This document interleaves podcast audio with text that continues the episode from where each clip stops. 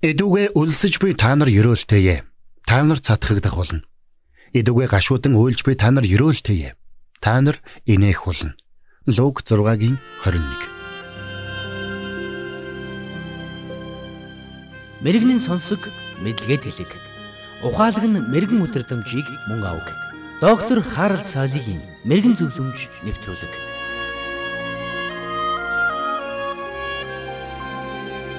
Бурхан ямар ч хошин шогийн мэдрэмжгүй гэж юу?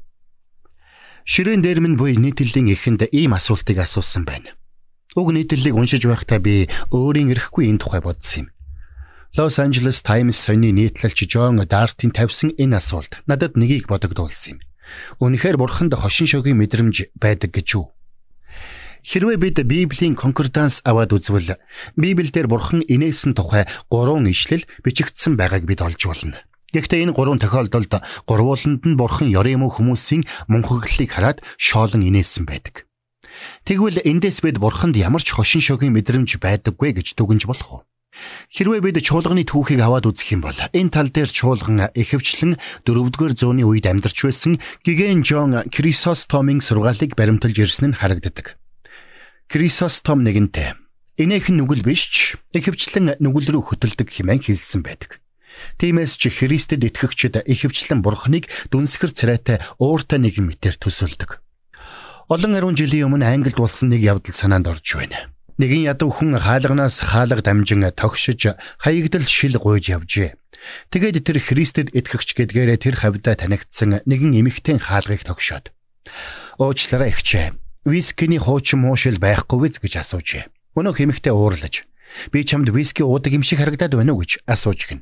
Гэтэл нөгөө хэр тэр даруйдна. Уучлаарай эмэгтэй. Тэгвэл виноны шил байхгүй биз хэмээн асуусан гэдэг.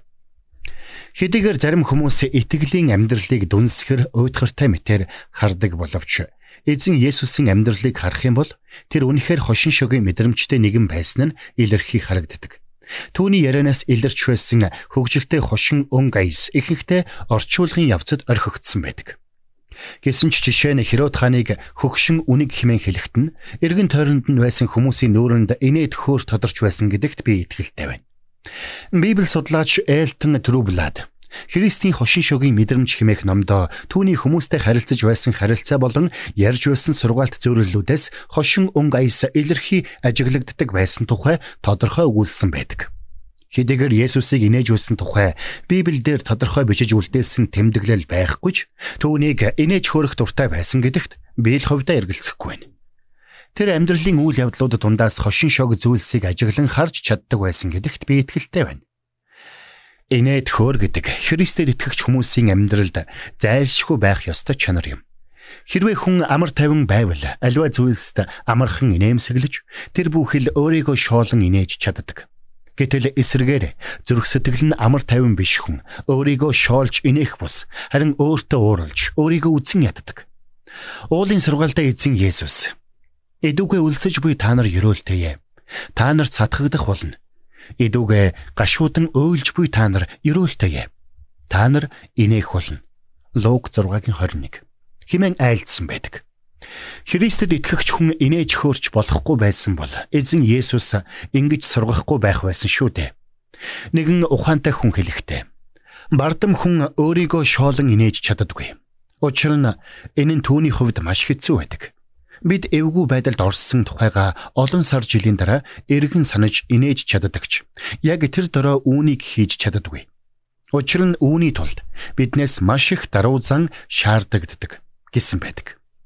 Тиймээс бурхан хошин шогийн мэдрэмжгүй гэж дүгнэхээс илүү бурхан хошин шогийн мэдрэмжтэй гэж дүгнэх нь үнэнд илүү ойртон гэж би бодож байна.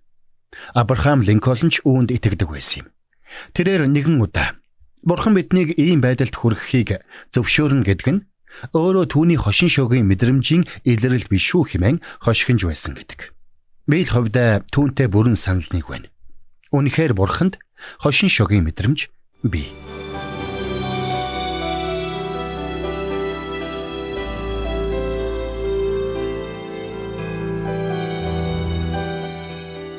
Мэргэн нэгнийг дагуул мэргэн, мулгуутай нөхөрлөл хорлол. Доктор Харалт цайлигийн мэрэгэн зөвлөмж нэвтрүүлэг танд хүрэлээ.